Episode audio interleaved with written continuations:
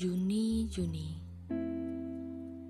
Gak kerasa ya Kita sudah ada di kuartal 2 Banyak hal tak terduga yang di luar kendali kita Datang membawa berbagai efek samping yang berbeda bagi tiap penghuni semesta.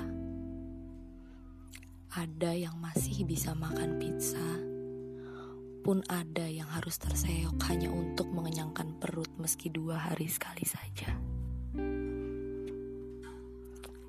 Ada yang masih merasa terjebak, padahal ia hangat berkat suasana rumah yang penuh cinta kasih keluarga. Sementara di bagian dunia yang tak terlihat olehnya, ada batin-batin perantau yang terisak merindu hingga beku tetesan air matanya oleh dingin. Dingin kamar kos yang bahkan tak berpendingin itu. Gak sendiri. Sabar, sedikit lagi. Juni, Juni, kamu memang belum di sini. Tapi sepertinya akan ada banyak hal yang selama ini tak lumrah di sini mau gak mau harus dihadapi nanti. Tetap dengan berbagai aksi yang harus kami patuhi. Demi kesembuhan Ibu Pertiwi. Kami memang bukan peramal yang bisa menerka ke mana takdir akan membawa raga. Pun menyingkat cerita hingga tahu lebih dulu akhirannya. Tapi membayangkan bagaimana kami harus melerai rumitnya.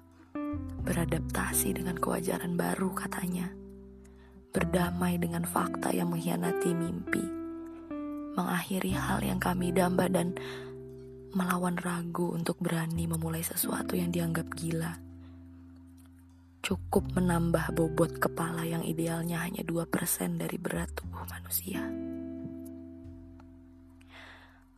Kamu gak sendiri, bebanmu boleh dibagi. Belum lagi khawatir kami khawatir akan banyaknya ruang yang mungkin kami tinggalkan kecewa di dalamnya. Kamu gak sendiri. Ayo beri afirmasi pada diri.